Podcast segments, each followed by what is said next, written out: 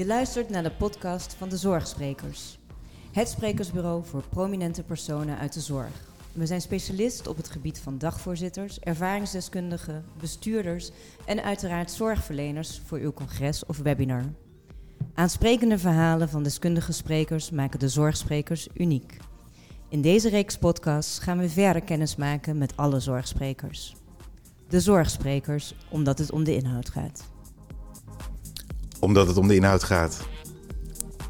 Ik eh, ben te gast in het prachtige, gezondste kantoor van Nederland. Ik ben te gast bij Mario Visser. Goedemorgen. Welkom. Dankjewel. Een indrukwekkende entree, dit ge- gebouw. Als je binnenkomt ben je meteen helemaal gezond. Alles is groen en hout en eh, heerlijke koffie ook trouwens. Eh, ik zie dat de dames die mij ontvingen, die staan ook. Hè? Jullie zijn heel bewust bezig hè? met... Ja, we zijn heel bewust bezig met gezond, gezondheid. Ah, we zijn natuurlijk een zorgverzekeraar en zorg en gezondheid hoort bij elkaar. Het zijn beide kanten van de, van de medaille. En het is belangrijk om te werken aan je gezondheid. En wij kunnen daar op het kantoor, waar je een belangrijk deel van je dag natuurlijk bent, best wel iets aan doen. En we merkten hoe eh, actiever we daarmee aan de slag gingen, hoe meer we konden doen. Dus je ziet hier bureaus met fietsen erachter. Heb je misschien wel gezien toen je voorbij kwam. eh, kwam. Ehm, eh, mensen inderdaad bij de ingang die staan. We hebben bureaus die omhoog kunnen, zodat je ook kan staan. En je kan hem ook instellen, precies op hoe het past bij jou. Maar we denken ook na over ontspanning. Dus je vindt hier ook een, een. En je vindt hier ook het tafeltennistafel. Zodat we echt ehm, zowel kunnen werken als even die onderbreking hebben. Waardoor je even staat, even beweegt, even loopt. En daarna weer fris verder kan. en ook nog duurzaam. Je zit er bovenop eh, op het station ongeveer. Ja, ja inderdaad. inderdaad hè, zodat je dus ook in de aanrijroute eh, best met de trein kan. Hè, dat is, eh, vanochtend wel heb, ik het gedaan met de auto. Nou, dat was een verkeerde keuze, kan ik je vertellen. En met de trein zouden we zo aan hebben kunnen rijden. Ehm, eh, dus dat, dat helpt echt wel. En dat hebben we in al onze kanto- kantoren. Dat hebben we in Eindhoven en dat hebben we ook hier. Ja. Eh, ik vond het indrukwekkende binnenkomst. Hartstikke leuk. Eh, Mario, eh, jij werkt al best een hele tijd voor VGZ, bij VGZ. eh 2011. Ja. Kun je iets vertellen over jouw carrière tot nu toe? En dan eigenlijk het stukje voor 2011. Daar ben ik wel benieuwd naar. Ja. Nou, ik, ehm, ik kom eigenlijk helemaal niet uit de zorg. Eh, ik heb bedrijfsinformatica gestudeerd en dan eh, heb ik me daar eigenlijk na, nadat ik eh, van mijn opleiding kwam, ben ik vooral aan de slag geweest met veranderprojecten. En dat heb ik mijn hele leven gedaan bij verschillende verzekeraars. Eerst bij ORA. En later zijn we als ORA ingefuseerd, zoals dat zo mooi heet, in Delftloid Groep.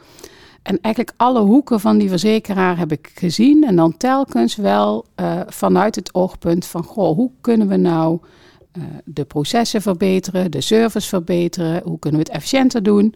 Eh, en dan was ik daar of een programmamanager of ik managede zo'n zo'n afdeling. Ehm, en, en zo zag ik eigenlijk alle hoeken van dat verzekeringsbedrijf. Dus de financiële wereld, het verzekeringswereld, dat, dat was wel eigenlijk jouw eerste traject ook. Ja, maar niet echt het financiële deel van die wereld, maar vooral het veranderkundige deel van die wereld. Hè. Hoe kun je zorgen dat je het elke dag een beetje beter doet? En dan niet door telkens een project te doen, maar hoe kun je nou eh, met een afdeling, met een team aan de slag gaan eh, en, en leren van gisteren, zodat je het morgen beter doet? Nou, dat is wel echt mijn ding. En ja, om dan het overstapje te maken naar VGZ. Als je kijkt naar de zorg, waar we aan de vooravond staan, zoals we dat zo mooi zeggen, van een grote verandering. Maar eigenlijk zijn we al een aantal jaren bezig. best wel, die avond is best lang, hè? Ja, we zijn al een aantal, jaar, aantal jaren bezig met die verandering. Maar er moet ook wel wat eh, veranderen. Ja, dan kun je je als veranderaar je hart eh, ophalen. Ja. Ja. Geeft het ook wel eens frustratie? Want ik eh, doe nu ook al een tijdje dingen in de zorg. En ik merk dat de snelheid van veranderen is sowieso niet zo heel menselijk. Maar in de zorg is hij wel heel eh, weerbarstig. Of zie ik het verkeerd? Ja, weet je, natuurlijk geeft als iets langzamer gaat dan je wilt, geeft dat ook bij mij frustratie. Want geduld is niet mijn aller, aller eh, beste eigenschap. En toch heb je wel geduld nodig voor die verandering. En het helpt niet als we met elkaar gaan mopperen en zeggen: kan het niet sneller? Waarom is het gisteren niet klaar? Oh, wat een goed idee. Kunnen we dat morgen opschalen? Want veranderen gaat niet over hoe kun je dat technisch allemaal doen. Veranderen gaat over iets wat je gisteren deed, dat willen we dus morgen anders doen. Wat je gisteren heel goed vond, daarvan zeggen we, nou, vanaf morgen gaan we dat anders doen. Dat vraagt uh, dat je mensen meeneemt in die verandering. Dat je ze ook vraagt, wat houdt je tegen? In plaats van, kan het niet sneller? En als je weet wat hen tegenhoudt, dan kun je nadenken, oké, kunnen we dat oplossen? Of is het een kwestie van tijd? Ik heb weinig veranderingen zien slagen omdat we steeds maar riepen, kan het niet sneller? Ik heb veranderingen zien lukken omdat we bereid waren er echt in te duiken en te zien van waar bots je nou tegenaan? Waar maken mensen zich nou zorgen over? En als je die zorgen kan wegnemen, of samen met ze oplossen, of de tijd nemen om ze eraan te laten wennen, dan gaat een verandering slagen. En dan, heeft het, ja, dan heb je doorzettingsvermogen nodig. Um, nog een keer proberen en nog een keer proberen. En dan zie je langzaam maar zeker dingen gewoon echt veranderen. Je hebt niks aan een verandering die maar even beklijft. Hè. We, we moeten het hier um, voor lange tijd anders doen. En als je kijkt bijvoorbeeld naar de zorg, we doen daar heel veel pilots. Dat zijn van die snelle veranderingetjes. Ik, hè? ik uh, heb een luchtvaartachtergrond en ja. inmiddels weet ik dat uh, de KLM minder pilots heeft dan de zorg ongeveer. Ja. ja. Maar pilots is dat, dat gaat toch niet helpen? Nee, precies. Dat zijn van die kleine veranderingetjes. Van oh, dat gaan we snel doen. Een pilot heb je snel van de grond. Heb je snel een klein resultaat. Kun je blij van worden. Maar als je die pilot niet groter maakt, dan verandert er niks. Dan komt er alleen maar een nieuw taakje bij. Namelijk dat kleine groepje patiënten die je net iets anders behandelt. Die je misschien digitaal behandelt. En de rest doen we nog um, laten we de zorg, het zorgpad doorlopen wat we altijd al hebben. En dat betekent dat mensen twee manieren van patiëntenbegeleiding moeten aanleren: die van de pilot en die van de rest. En de crux van een echte verandering is: hoe maken we die pilot nou zo groot dat we het echt anders gaan doen? dat we bijvoorbeeld, we zijn nu op diverse plekken aan de slag met telemonitoring, dat we zeggen: oké, en als we nou in dit ziekenhuis 50% van de patiënten via telemonitoring in de gaten houden. Wat betekent dat dan?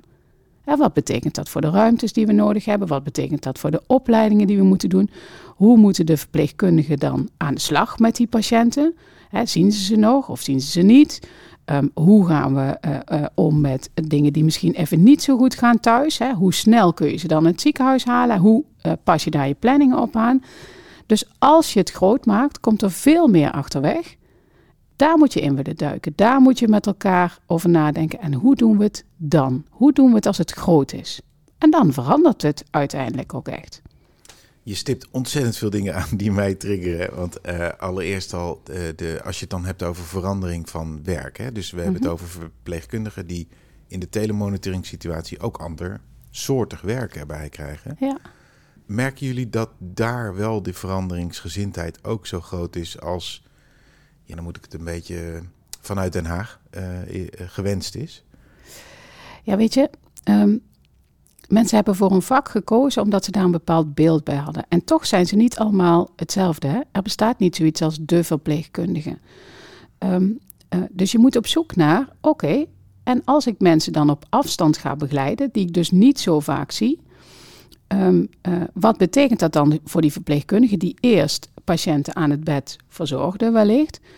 Um, uh, welke verpleegkundige vindt dat leuk? Welke verpleegkundige heeft veel ervaring en kan heel makkelijk die patiënten op afstand begeleiden? En welke verpleegkundige zegt, dat voelt eigenlijk, dat vind ik niet fijn. Nee. Um, door alleen al die vraag te stellen, uh, krijg je een groep verpleegkundigen via die telemonitoring um, uh, in contact met de patiënten die dat ook graag wil. En je, daar creëer je dus koplopers mee. We hebben een tijd geleden een ziekenhuis in Amerika gesproken die heel veel deed met telemonitoring. En wat zij zeiden was: Goh, wat we merken is dat heel veel verpleegkundigen die eigenlijk zeggen: Ja, ik, ik ben op leeftijd en ik wil uit het vak, want ik, ik vind het best zwaar worden.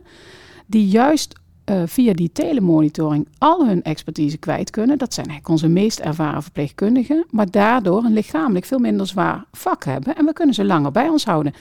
Ik vond dat een interessante zienswijze. Zeker, ja. dus we gaan, denk ik, te snel scheren we die hele groep over één kam. Zeggen we, ze moeten allemaal iets anders gaan doen. Je moet gewoon kijken, wat, wat zoeken mensen in hun baan? Wat is de verandering die je door wil maken? Heb ik een groep die automatisch zegt, hé, hey, maar dat is iets voor mij? Nou prima, dan heb je daar je startgroep. En vervolgens ga je kijken, hoe gaat dat nou werken als je het groter maakt? En heb je er dan meer van nodig? Moet je iets met opleidingen doen? Moet je ze aanpassen? Moet je mensen op een andere manier gesprek met patiënten laten voeren. Je begint, Je maakt het groter, je ontdekt wat er nodig is en op basis daarvan ga je die verandering steeds meer vormgeven. Ja. Nou hebben we het over verpleegkundigen. Die, werken in ziekenhuizen en in thuiszorg en aan allerlei andere mooie instituten. Jij werkt in een zorgverzekeringsbedrijf. Welke invloed kan jij, uh, nu je op deze ultieme plek zit, hè, you're the boss. Welke sturing kun jij daaraan geven vanuit deze rol? Je werkt hier al heel lang, dus je weet ook de haarvaatjes ja. van je eigen organisatie, denk ik, uh, goed. Waar, waar, waar ligt jouw kracht om dit soort veranderingen, dus waar je eigenlijk niet over gaat, wel te kunnen helpen? Nou, op een paar plekken. Ik vind dat het begint uh, bij het echt nieuwsgierig zijn naar het vakgebied waar je over gaat.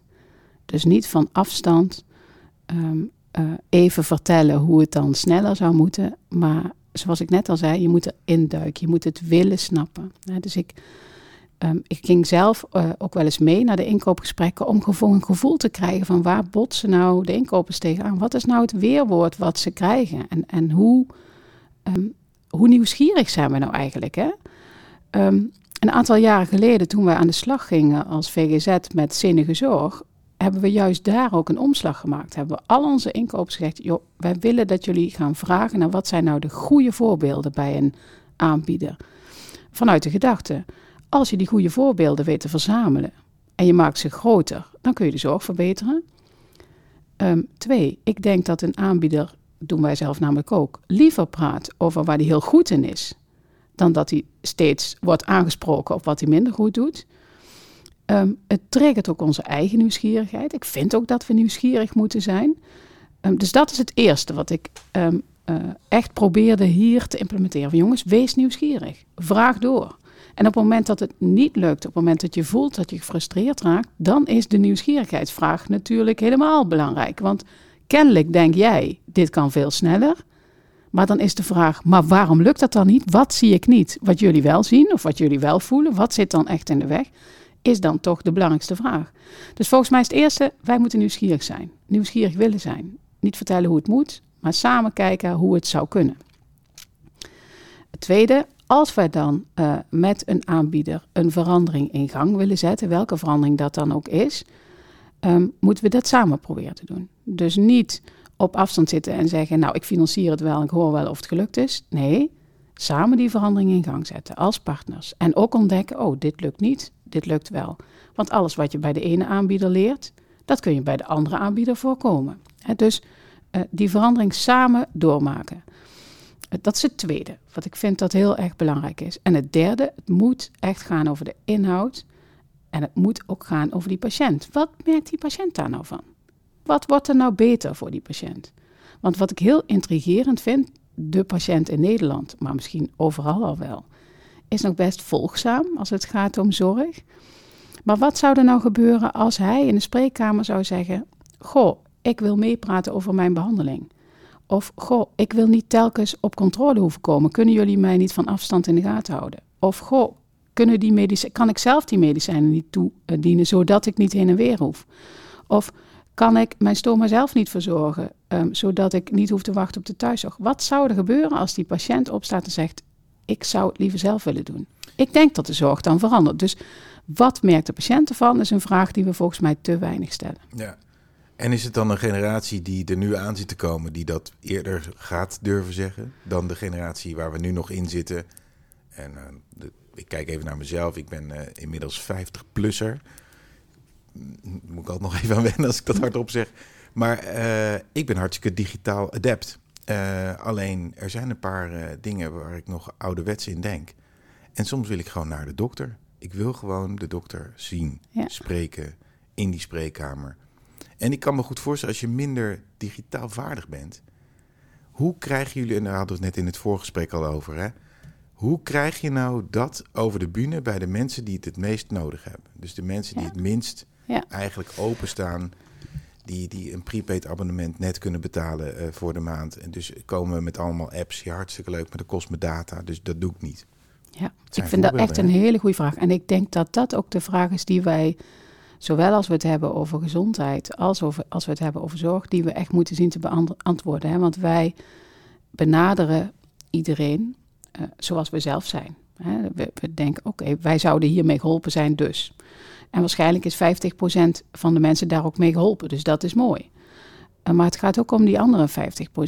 En um, ik heb nog niet het totale antwoord. Wat ik, wat ik wel merk is dat als we in gesprek gaan met die mensen, dan komen we erachter dat we eigenlijk helemaal niet weten wat we niet weten. Dus dat we heel moeilijk ons een voorstelling kunnen maken van hoe zitten zij nou aan diezelfde uh, tafel in, in, in, in, de, in, de, uh, in de spreekkamer.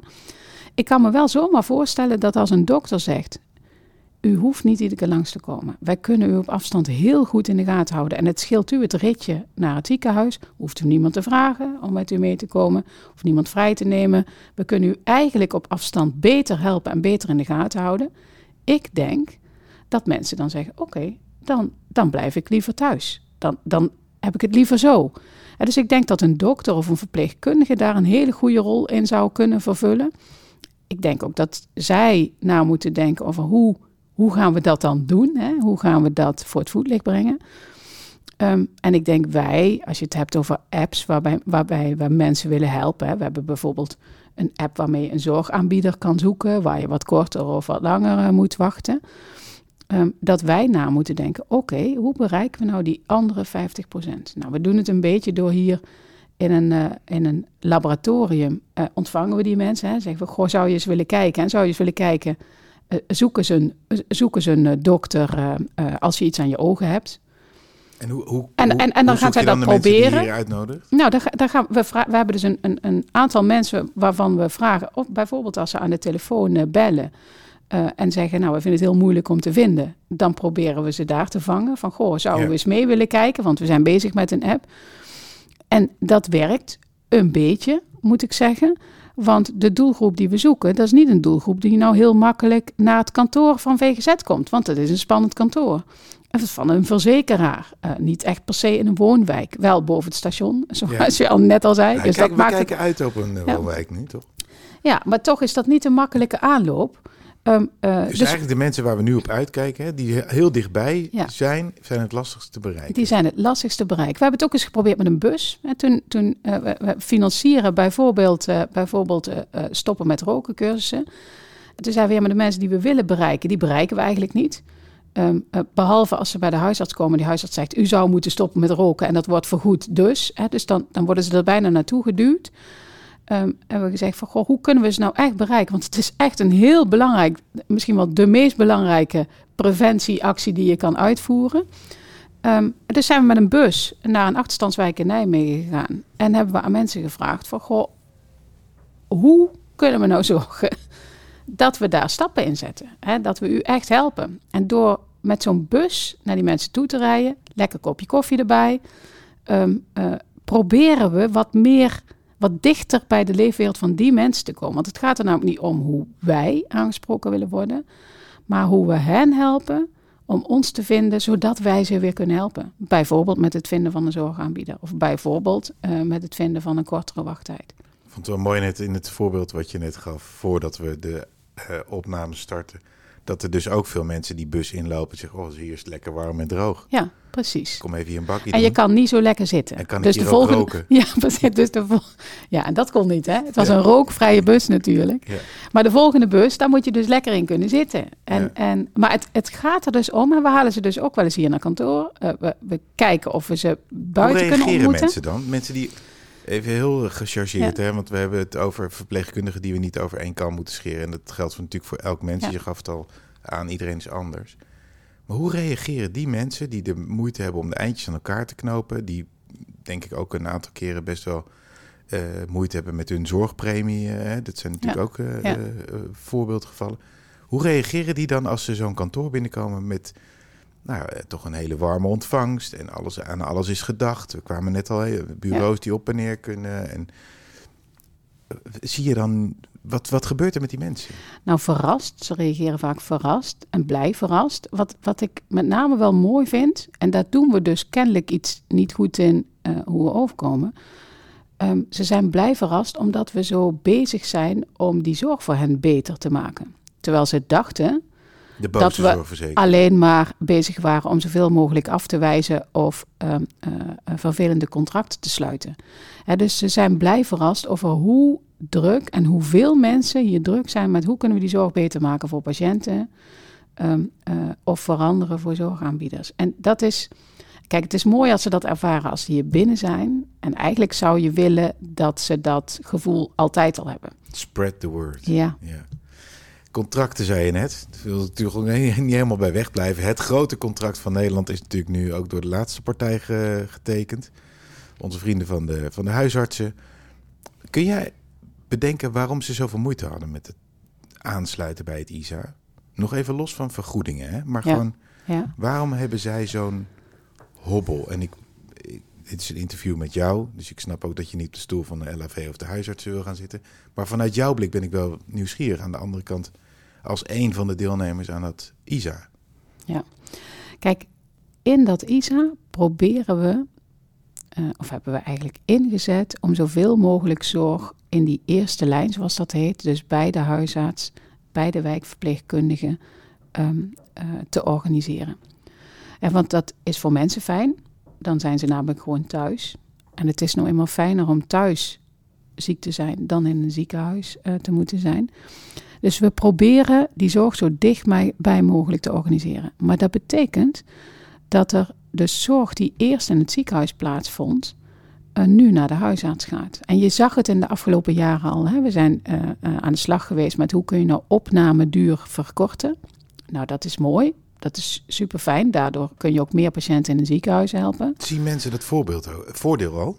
Dat je korter opgenomen bent? Er is een tijdje een, een soort Ja, kleuring dat, aan geweest van ja, je wilt zo snel mogelijk het ziekenhuis weer uitgeschopt. ja, Wij, Ja. weten, wij weten dat dat beter voor je is, Ja. maar dat gevoel. Nou, daar, daar, dat is eigenlijk hetzelfde als wat ik net aangaf. De dokter en de verpleegkundige kunnen daarbij helpen. Want we weten dat als mensen thuis zijn en thuis aan het herstellen zijn, dan lopen ze iets meer. In het ziekenhuis wordt het eten je gebracht. Dan lopen ze iets meer, gaan ze uit bed. Dan moeten ze meer zelf doen. En het ziekenhuis stuurt je echt niet naar huis als dat niet kan. En dus als zij denken het kan, dan herstel je thuis gewoon sneller. En het is plezieriger in je eigen context. De meeste mensen willen ook zo snel mogelijk naar huis en willen een soort zekerheid dat het wel verantwoord is. Nou, als we daar, hè, en de ziekenhuizen, nogmaals, gaan mensen echt niet naar huis sturen als het niet verantwoord is. Dus ga je ervan uit dat het verantwoord is, dan herstel je sneller. Dus dat is beter. Maar ja, dat voelt niet meteen beter, want als je dan thuis eh, bent, dan blijkt je ineens minder te kunnen dan je in het ziekenhuis Ja. kon. Hè? Dus dat voelt even toch wel spannend, kan ik me maar voorstellen. Maar in die spannende situatie is de huisarts degene die dichtbij is. Nou, stel je nou voor dat je steeds meer zorg niet naar het ziekenhuis eh, laat plaatsvinden of mensen sneller uit het ziekenhuis naar huis brengt, dan wordt die groep van mensen die niet super fit thuis is groter. En die huisarts wilde echt zeker weten dat er voldoende ruimte was om die mensen te helpen. Zij zijn immers verantwoordelijk dan. Dus ik snap dat ze daar een punt van maakten. Nou, we hadden daar de afspraak eh, meer tijd voor de patiënt gaan we snel implementeren gemaakt. Ehm, eh, en, en dat zou ook een deel voor de oplossing zijn. Maar ja, eh, de zag ook niet voor zich hoe die al die patiënten kon wegtoveren. Dus hoe ga je dat dan doen samen? En hoeveel tijd krijg je daar dan voor? En hoe financieren we dat met elkaar? En daar wilden zij zekerheid over hebben, voordat die stroompatiënten naar de eerste lijn terug zou komen. Dus ze hebben daar een stevig punt van gemaakt. Eh, ik, ik vond dat wel jammer, ehm, want ik het- heel, heel lang en nog steeds. Zij een zijn beetje het, de uitstraling over het ISA. ook. nou, het was jammer omdat zij op de inhoud het heel erg eens waren met deze lijn. Het was helemaal niet zo dat zij ehm, eh, vonden dat we het anders moesten afspreken inhoudelijk. En dat, ja, dat, dat vertroebelde eigenlijk ehm, eh, de lange lijn die we met elkaar Ja. afspreken. Aan de andere kant, weet je, als ze na ehm, eh, eh, wat langer nadenken, nu vol overtuiging het ISA tekenen. En we wisten dat ze die inhoudelijke lijn echt steunen. En daar ook echt mee aan de slag willen. En het ging om meer tijd voor de patiënt. Maar het ging ook om hoe kun je bijvoorbeeld in de buitengebieden zorgen dat de diensten goed gedraaid worden. Nou, voor onze eh verzekerden super belangrijk. Hè, dat je ook in een gebied, in een niet-randstedelijk gebied, eh eh, s'nachts een huisartsenpost kan bereiken. Dus dat was belangrijk, een belangrijk punt. Nou, er zijn goede afspraken over, over gemaakt, zodat we dat ook echt, dat we niet alleen de financiering regelen, maar dat we ook na hebben gedacht, ja, maar hoe organiseren we dat dan? Hè? Dat het overal kan en niet alleen in de Ja. wat drukkere gebieden. Nou, dat is gewoon goed. En dan staan ze er helemaal achter. Ehm, kunnen we van de kant. Welkom aan boord, zeg maar. Ja, ja. Ehm, mijn, mijn vorige vraag was, hè, van welke uh, positie uit kan jij hier nou sturing op geven vanuit VGZ? Je hebt het over financiering, dat is natuurlijk jullie primaire Mhm. prikkel, even om zo te zeggen. Ehm, je zei het een aantal keren over die huisartsen in de lange lijn. Ja. Nou, wat mij als buitenstaander van het zorgverzekeringsspel eh, een beetje verbaast, is dat we toch elk jaar opnieuw die contracten opnieuw eh, ter discussie stellen of opnieuw gaan afsluiten. Ik sprak laatst een ziekenhuisbestuurder. Ja, eigenlijk word je gestraft als je het goed doet in het macro eh, bezien. Want we hebben zinnige zorg, we hebben het beperkt, we hebben Mhm. geen onnodige behandelingen gedaan. En dan komen we aan het eind van het jaar hebben we eigenlijk ruimte. Maar die ruimte gaan we dus opmaken, want anders krijgen we hem volgend jaar niet. Het is heel bazaal, hè? Ehm, hoe, hoe zie jij dat? Dat soort voorbeelden. En dat geldt natuurlijk ook voor de huisartsen. Eh, hoe kunnen we nou ervoor zorgen dat, hij- dat zij meegaan op het lange lijn denken? Moeten Ja. we dan niet gewoon daar ook eens iets mee doen? Nou, ehm, Suggestie, eh, ja, ideetje. Ja, ja ik, ik vind, het is helemaal geen gekke suggestie, ehm, omdat we daar op dit moment zo mee bezig zijn.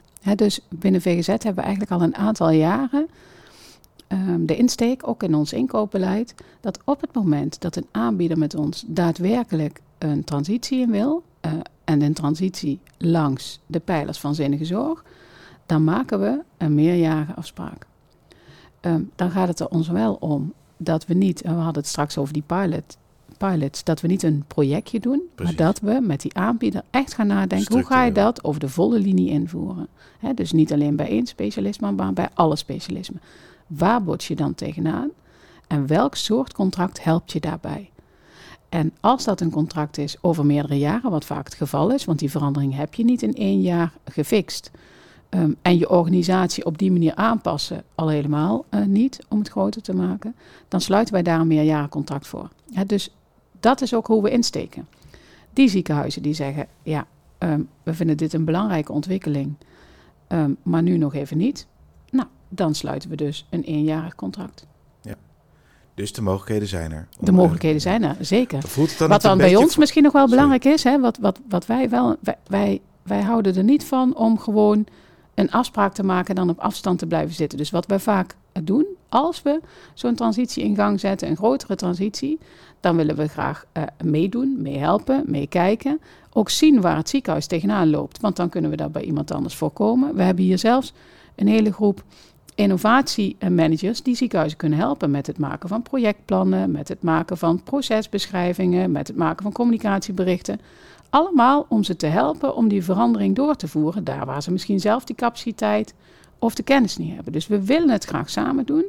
Dat is voor ons wel een belangrijke voorwaarde. Dat is heel mooi.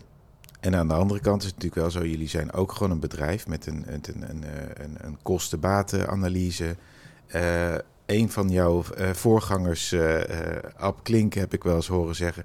ja, innovatie is goed, maar wel in plaats van iets anders dan. Je kunt niet innovaties het ziekenhuis, om het ziekenhuis dan maar even als voorbeeld te blijven gebruiken... binnen blijven rijden zonder dat er iets afgaat. Nee, Het moet iets oplossen. Ja, dat is Hoe, wat, waar hoe we het borg je dat? Ja, dat is waar we het straks al over hadden. Hè? We moeten niet eeuwig allerlei innovatiepilotjes doen. Hè? Als je zegt, dit is een geslaagde pilot, dan moet je hem groot maken. Hè? Dus dan moet je met elkaar in gesprek. Oké, en als we nu eens 50% van de patiënten op die manier zouden behandelen. Wat betekent dat voor jouw organisatie? Wat betekent dat voor je vastgoed? Wat betekent dat voor je kosten? Wat betekent dat voor je bemensing? Dus het gaat erom om die innovatie groot te maken. Sterker nog, dat je hem inderdaad in plaats van doet, in plaats van dat je hem steeds weer erop zet. Want dan wordt het alleen maar drukker voor de mensen en het wordt en mensen duurder. ervaren ook meer druk. Hè? Ze Ja. moeten meer dingen erbij gaan Ja, doen. precies. Dus je moet, eh, als je zegt, ik ga nu ehm, eh, digitaal mensen monitoren, oké, dan betekent dat dus iets structureels voor je het terugkomen bezoeken. Hè, dus voor je consulten. Dat moet je dan dus anders gaan doen. En dat moet iedereen dan anders gaan doen. En misschien zijn dat juist wel de makkelijkst planbare consulten. Dus dat betekent dat je beter na moet denken over je polykliniekplanning. En het, maar dan moet je dat dus wel gaan doen. Dus daar, ik vond dat mijn voorganger daar gelijk in heeft. En ik vind ook dat we daar juist mee aan de slag moeten. Maak het groter. Waar loop je tegenaan? Want dan krijg je dus een andere inrichting, een andere processtap, een andere organisatie. En ja, kijk, heel, heel plat hè? gaan van iets. Ja, heel plat. Op het moment dat je zegt, ik ga mensen digitaal monitoren en ik ga een belangrijk deel van de zorg digitaal leveren. Ja, dan heb ik ook geen wachtkamer meer. Dus dan heb ik misschien ook wel minder ruimte nodig. Als ik mensen minder lang opneem in een ziekenhuis, dan heb ik misschien minder bedden nodig. Ja, wat ga je dan doen? ga je dan? Er zijn ziekenhuizen die nu zeggen: Goh, ik kan een vleugel vrijspelen. En ik zou het fijn vinden als daar een verpleging- en verzorgingsinstelling komt. Want dan kan ik iets doen aan de doorstroom. Dat soort oplossingen moeten we gaan zien. En die gaan we niet zien als we blijven uh, uh, piloten. Nee. De zorgsprekers, omdat het om de inhoud gaat.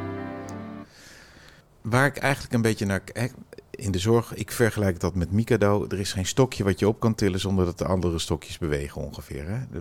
Behalve het bovenste stokje, maar die hebben we allemaal al gepakt. Ja. Ja. Um, hoe kun je er nou voor zorgen dat die beweging, uh, en ik heb, noem het maar even man en paard. Hoe ga je dan met minder mensen dat ziekenhuis runnen? Hoe ga je met andere bekostigingsmodellen dat ziekenhuis runnen? Want ergens heeft het ziekenhuis net het businessmodel ook op orde. Mm -hmm. Ze hebben gewoon aanbod nodig, verrichtingen nodig. Ons systeem zit natuurlijk wel zo in elkaar dat je nog steeds wordt eh, betaald naar wat je um, mm -hmm. verricht. Mm -hmm. Wat jij nu zegt en wat App ook uh, destijds promoot, van ja, we kunnen het slimmer doen, we moeten het slimmer doen, de wereld redt het niet meer zo. Waar gaat de pijn dan zitten aan de zorgkant, denk jij? Begrijp je mijn vraag? Nou, um, begrijp ik je vraag? Ik denk het wel. Kijk, de pijn op het moment dat je um, minder gaat doen, maar die mensen die je ziet, heb je meer tijd voor nodig. Dat vraagt om een andere inrichting van je proces. Um, vraagt ook om andere bekostiging. Maar het begint wel bij die inhoud. Uh, uh, ik vind het altijd ingewikkeld als we eerst praten over de bekostiging en daarna de inhoud erbij lijken te zoeken. Dus op het moment dat je weet dat je um, minder gaat behandelen, moet je dus anders nadenken over bekostiging. Of moet je andere dingen gaan belonen in de bekostiging.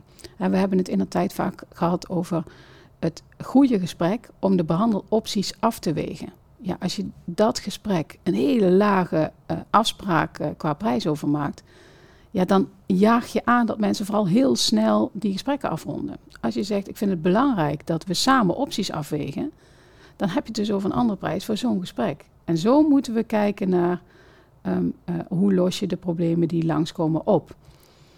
Um, uh, ik denk als je over het totaal heen kijkt, dan hebben we met onze demografische ontwikkeling in combinatie met uh, de mensen die werken in de zorg, en nu ongeveer 1 op 7, um, hebben we al die mensen hard nodig. Sterker nog, in de zorg krijgt men te maken met een hele grote vervangingsvraag. Dus we moeten blij zijn dat we die 1 op 7 zeg maar, overeind kunnen houden. Maar blijven al die mensen hetzelfde doen? Dat denk ik niet. We gaan andere dingen doen. We hadden het straks al over die, die digitale monitoring. Dat betekent dat mensen andere dingen gaan doen. Als we zeggen we gaan mensen sneller naar huis verplaatsen, dan zie je misschien wel verpleegkundigen vanuit het ziekenhuis de thuiszorg ingaan. Dus er gaan wel degelijk dingen veranderen dan. Want als er niks verandert, dan blijven we het ook doen zoals we het op dezelfde manier deden. En dat betekent voor dokters straks ook wellicht wat anders. Misschien gaan dokters in plaats van mensen zien in het ziekenhuis, veel meer meekijken met een huisarts um, op afstand. Of misschien zelfs wel naar die huisarts toe. Dus je gaat andere manieren van zorg leveren. En, dat betekent dus dat mensen moeten veranderen. En dat is niet altijd leuk. Nee, nee. Nou ja, wat, je, wat ik je hoor zeggen is van de, er is zoveel vraag eigenlijk dat we moeten veranderen om met dezelfde hoeveelheid mensen de zorg nog te kunnen blijven runnen. Ja, maar daarmee Alleen betekent, op een andere manier. Ja, maar daarmee betekent niet dat iedereen hetzelfde blijft doen wat hij altijd al Nee, deed. precies. En Ja. dat, dat betekent dus dat je het anders moet gaan doen. Ja. En nogmaals, dat is niet altijd leuk. Nou heb ik laatst een eh, congres eh, gehad, ook eh, van de, de inkooporganisaties van de, van de zorgverzekeraars. Er kwam bij mij een vraag op. Ik spreek met zorgverzekeraars, spreek met ziekenhuizen. Nou, niet met het ziekenhuis zelf, maar de mensen die er werken. Hoe zorg jij ervoor, nu je op deze positie zit, je zit er nu nou, nog niet eens een jaar, hè, dat jouw visie en jouw gevoel bij hoe de zorg verder moet vanuit VGZ, hoe komt dat nou in alle, want we hadden het daar straks even over de haarvaten van de Ja. organisatie. Hoe zorg je ervoor dat dat nou deep down tot aan de telefonie of tot aan de, de, de, de, de- nou, je hele organisatie wordt gevoeld en ook zo wordt uitgedragen? Ja. Daar ben ik wel benieuwd naar. Dat is echt een hele belangrijke vraag. En daar gaat ook heel veel van mijn tijd in zitten. Ik heb wel eens gezegd, je moet bijna een mens voor mens dat gesprek voeren. Dus je kan, ook ik kan hier niet eh, op het podium staan, het verhaal vertellen en dan denken dat het bij iedereen tussen de oren zit. Dat betekent, ik sta wel op het podium, eh, we schrijven het verhaal uit. Ehm, ik ga in teams op visite. Ik loop mee met inkoopgesprekken. Ik loop mee ehm, bij zorgorganisaties waar we aan de slag zijn. Ehm, als we een gesprek hebben als dit, dan vraag ik eh, bij de teams die zorginstellingen in transitie aan het begeleiden zijn, waar loop je nou tegenaan? Eh, ik kijk mee als we eh, lastige situaties ehm, eh, langs hebben, van hoe gaan we dat dan doen? En, en hoe wil ik graag dat wij die nieuwsgierigheid daadwerkelijk uitvoeren, terwijl het soms makkelijker is om van afstand te zeggen, nee, doen we niet. Dus het kost heel veel tijd en dat doe ik niet eens. Natuurlijk doe ik dat niet alleen. Eh, ik heb heel veel gesprekken, bijvoorbeeld ehm, eh, met eh, onze Chief Health Officer, die aan de slag is met die inkoopcontracten. We sparren samen over hoe pakken we dingen aan. En hij doet datzelfde met zijn inkoopteams. Kijkt ook zelf mee, loopt mee, zodat we weten wat er gebeurt. Niet om die mensen op hun vingers te kijken, maar omdat we ons realiseren dat als we iets willen veranderen, dan zal dat mens voor mens moeten. En dat is niet in een paar maanden gepiept. Ehm, dat kost gewoon tijd. Ja. En die tijd gun je je ook. Ja, die tijd. Want je zei net dat Een verandering- niet jouw sterkste kant was. Nee, maar die verandering kost tijd. Kijk, Vind ik wel een leuke voor een verander. ja, precies, precies, precies. Maar die, je voelt daardoor sneller dat frustratiemoment, waardoor je denkt: oké, maar nu, nu moet ik dus, nu kan ik gaan proberen door te duwen, maar nu moet ik eigenlijk een vraag stellen van wat zit hier in de weg? Maar ook eh, bijvoorbeeld intern, hè, mensen aan de telefoon. Hoe zorg je ervoor dat die mensen eh, zich realiseren? Natuurlijk willen we de mensen die dat kunnen graag helpen via onze app. Dat is hartstikke fijn, want daardoor creëer je ook ruimte eh, voor mensen die dat moeilijker vinden. En hoe zorgen we er nou voor dat, dat ze zich realiseren dat als we mensen uit een achterstandswijk aan de telefoon hebben. En we er maar gewoon van uitgaan dat zij ook allemaal wel precies begrijpen hoe dat ze hun zaken moeten regelen. misschien lastig vinden om onze voorwaarden te begrijpen. Hoe nemen we nou voor zo'n gesprek iets meer tijd dan voor een gesprek waarvan we denken: ja, maar jij kan het eigenlijk best wel via de app. Hè, zo en zo, ik help je even en dan moet je het zelf kunnen. Ja. Dus daar zijn we echt dag in, dag uit mee bezig. Nou ja, wat ik zei, ik, ik- toen ik hier binnenkwam, dacht ik, dit ademt ook die veranderingen. Bij andere zorgverzekeraars hebben ook, eh, ik was een tijdje geleden bij, bij ONVZ, hè, die hebben ook, eh, de, de, de trap is de uitdaging. Hè? Ja. Dus eh, elke dag, eh, de trap is al stap Ja. 1. dat is een sprongetje naar preventie, gezond leven. Eigenlijk wil je heel Nederland beïnvloeden. Ja. Eigenlijk wil je dat heel Nederland gaat sporten, eh, gaat gezond eten, eh, eh, wordt het gruit wilde ik zeggen, groente en fruit. Ehm, maar dat is duur. Eh, ik heb laatst eh, opgeschreven dat ik het verbouw. Nee, Marcel Levy had het daar ook over. Hè, dat het zo bizar is dat we zo lang discussie hebben over het verlagen van het BTW-tarief of het afschaffen van BTW op fruit en groente.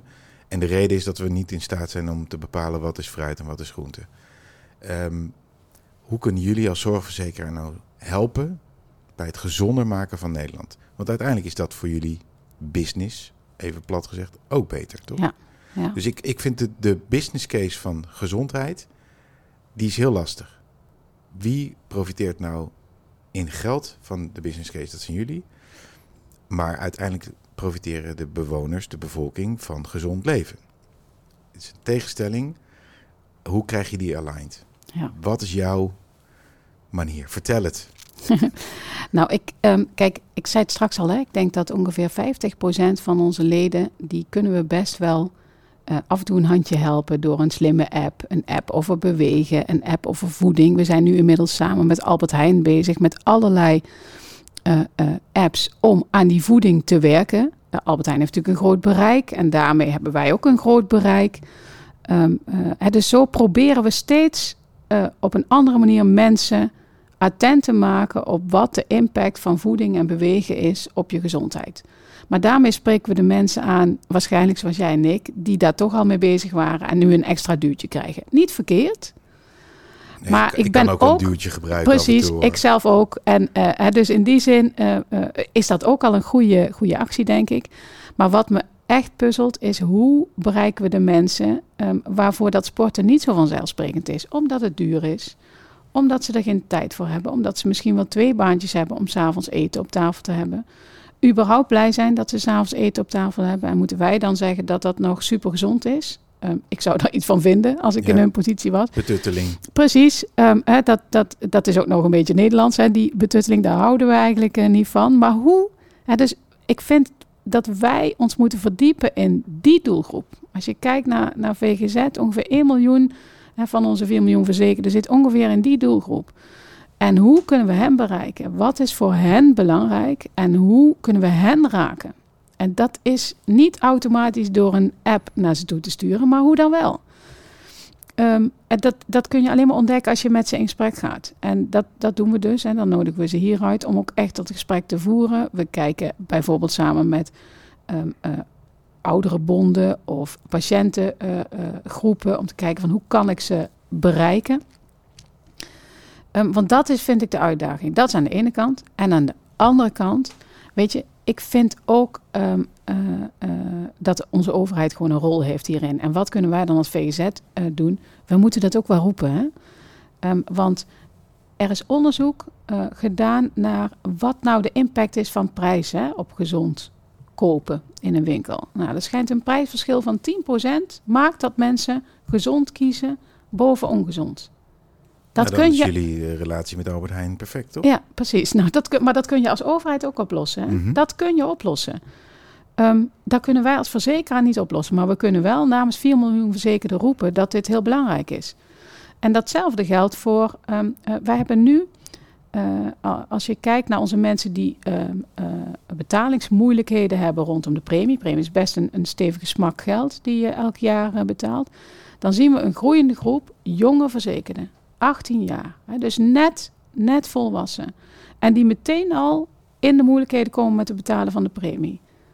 En denk ik, hoe goed hebben die mensen nou geprepared eh, tijdens hun opleiding op waar bots je tegenaan als je 18 bent? Wisten die nou hoe dat werkt met zo'n zorgverzekering en wat je allemaal nog meer moet regelen? Hè, vroeger had je iets, je bent 18 en wat nu? Doen we dat nog? Hè, dus ik, ik, ik heb natuurlijk ik heb een, een dochter van 13 en eentje van 19. Mijn dochter van 19 heeft echt geen les gehad eh, in haar opleiding over 18 en wat nu. En ze heeft geluk dat haar ma in de verzekeringen zit zit. Dus die weet, Ja. dat, die weet wel hoe je dat moet regelen. Maar al die jongeren die 18 worden en het zelf eh, voor elkaar moeten krijgen, wat voor een start geven we hen nou eigenlijk? En hoe eenvoudig is het om op eh, tijdens dat voortgezet onderwijs aandacht te besteden? Ik ben 18 en wat nu? Wat moet ik financieel regelen? Wat zijn dingen waar je zeker niet tegenaan moet botsen? Dat kunnen we toch gewoon regelen in het onderwijs. Ehm, en ik vind dat wij als verzekeraar daar gewoon om moeten schreeuwen. Namens die 4 miljoen verzekerden. Want die verzekerden die in betalingsmoeilijkheden komen, daar op een gegeven moment stress van krijgen, buikpijn van krijgen, hoofdpijn van krijgen, die komen naar een huisarts. En dat is die overbelaste huisarts. En dat is instroom die we hadden kunnen voorkomen. Als we het met elkaar hier iets anders regelen. En dus enerzijds, wij moeten zoeken naar hoe bereiken we de mensen die niet zo eh, vanzelfsprekend te bereiken zijn. En we moeten roepen om de acties die we in het onderwijs, in de supermarkten en waar dan ook voor elkaar kunnen krijgen. De koppeling van het sociaal domein heet Ja, het dan in, ja. in Haagse termen. Ja, en hoe krijg je die, nog zo'n mooie term, die sociale cohesie weer een beetje terug? Ja. Hoe zorg je ervoor dat mensen in de wijk net iets meer naar elkaar omkijken, net iets beter op elkaar passen, af en toe een tip geven, waardoor mensen niet automatisch dat medisch domein in komen? De Zorgsprekers, omdat het om de inhoud gaat. Wat zou jouw tip dan zijn voor eh nou, Connie Helder of eh, Ernst Kuipers? Oh, misschien wel jouw echte voorganger, eh Karin. Nou, ik denk dat ehm, bestaanszekerheid van mensen eigenlijk bijna de belangrijkste, het belangrijkste, de belangrijkste pijler is eh, die gaat helpen met het verkleinen van gezondheidsverschillen. Dus als we op dat vlak van bestaanszekerheid wat kunnen doen, dan gaat dat zeker helpen. Dat is mijn eerste tip. Die, die- Luister goed, hè? ja, dat is mijn eerste tip. En mijn tweede tip is: ehm, doe echt iets aan eh, gezonde voeding in de winkels, eh, eh, in de onderwijsinstellingen. Ehm, want op het moment dat we dat aantrekkelijker maken dan ongezonde voeding, dan gaan mensen switchen. Nou, die combinatie van tips die heeft volgens mij een stevig effect. Ik vind het een prachtige uitsmijter. Ja. De tips van Mario, het, het lijkt mij overduidelijk. Het is zo geregeld eigenlijk, toch? Nou, dat niet, hè? Een verandering had tijd nodig. Oh ja, daar Kwaliteit heeft tijd nodig. Kwaliteit. Kwaliteit. Ja. Mario, dankjewel. Graag ik eh, gedaan. vond het een zeer inspirerend gesprek en leuk om verder kennis te maken met jou. Dit was weer een aflevering van de Zorgsprekers. Eh, meer Zorgsprekers podcasts staan op zorgsprekers.nl. Dankjewel. Graag gedaan.